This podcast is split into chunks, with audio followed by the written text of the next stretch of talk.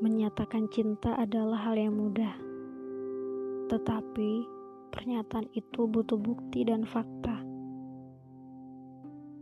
Dengan menyebut nama Allah, bukti apa yang kau inginkan? Jawab Abbas.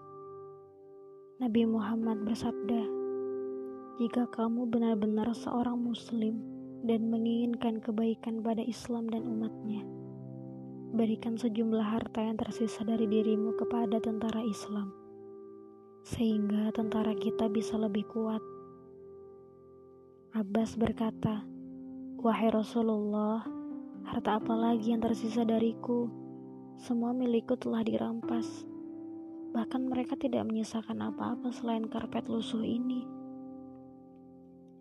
Rasulullah bersabda, "Lihatlah, kamu tidak jujur." Kamu belum kembali dari kebiasaan buruk masa lalumu. Kamu belum melihat cahaya kebenaran. Haruskah aku katakan kepadamu seberapa banyak harta yang kamu miliki? Di mana kamu menyembunyikannya? Pada siapa harta itu kamu titipkan? Dan, dan di tempat seperti apa kamu menguburnya? Abbas menjawab, "Tidak, sungguh aku sudah tidak punya apa-apa lagi." Rasulullah bersabda, Bukankah kamu menitipkan sejumlah harta pada ibumu? Bukankah kamu mengubur sebagian hartamu di tempat ini dan itu? Bukankah kamu mengatakan secara rinci kepada ibumu, "Jika aku kembali, kembalikan semua harta ini kepadaku. Jika aku tidak kembali dengan selamat, belanjakanlah beberapa jumlah dari harta ini untuk suatu kepentingan tertentu. Berikan sekian kepada si Fulan." Dan bagian untukmu adalah sekian. Ketika Abbas mendengar hal itu, ia mengangkat jemarinya dengan penuh keimanan. Ia berkata, Ya Rasulullah, dahulu aku selalu yakin bahwa dirimu mewarisi nasib baik para raja terdahulu seperti Haman, Syadat, Namrud, dan yang lainnya.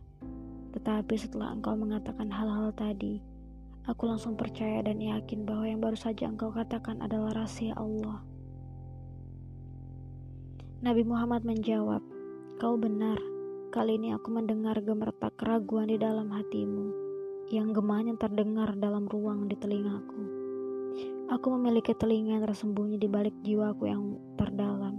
Dengan telinga itu, aku dapat mendengar gertak keraguan, kemusyrikan, dan kekafiran di dalam hati semua orang." Suara-suara itu terdengar oleh telinga jiwaku.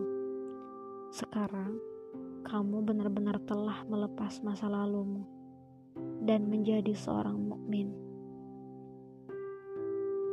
Dalam menafsirkan cerita di atas, Maulana Rumi berkata, Aku menceritakan kisah ini kepada Amir Barwanah karena satu sebab, yaitu ketika pertama kali kamu menjadi prajurit tentara Islam.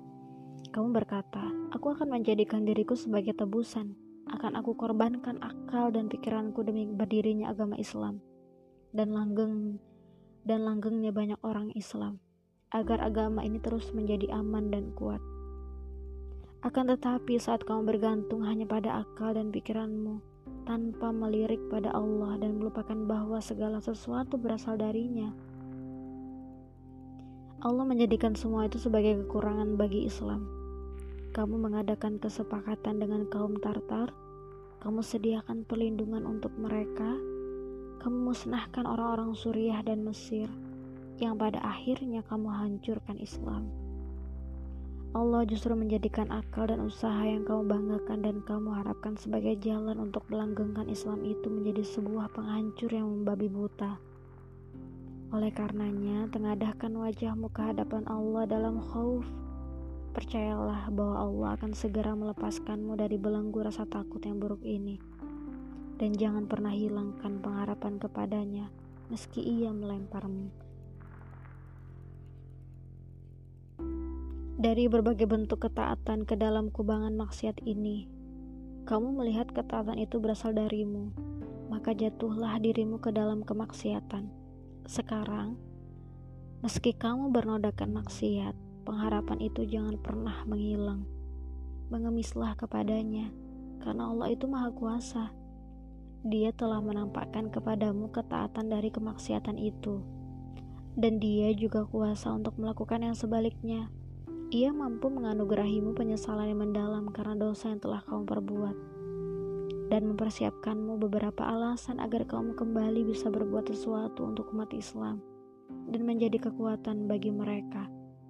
Maka, jangan pernah hilangkan pengharapan itu, sebab sesungguhnya tidak tiada berputus asa dari rahmat Allah melainkan kaum yang kafir.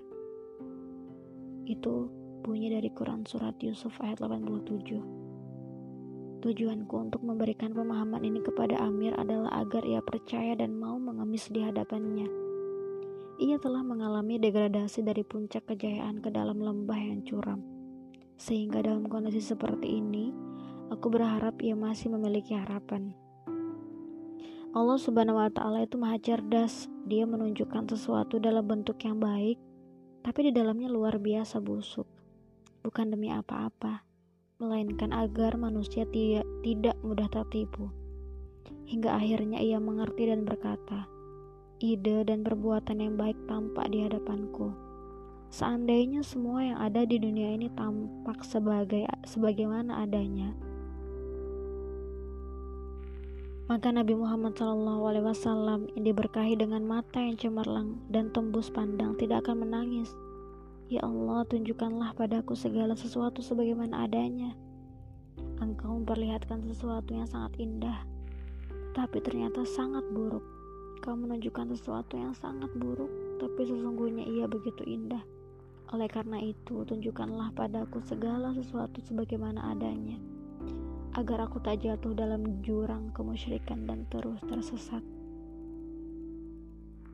Sebagus dan se secemerlang apa pun buah pikiranmu, tidak akan lebih hebat dari buah pikiran sang nabi. Jadi, jangan terlalu mengandalkan akal dan pikiran. Jadilah orang yang terus mengemis dan takut di hadapan Allah Subhanahu wa taala.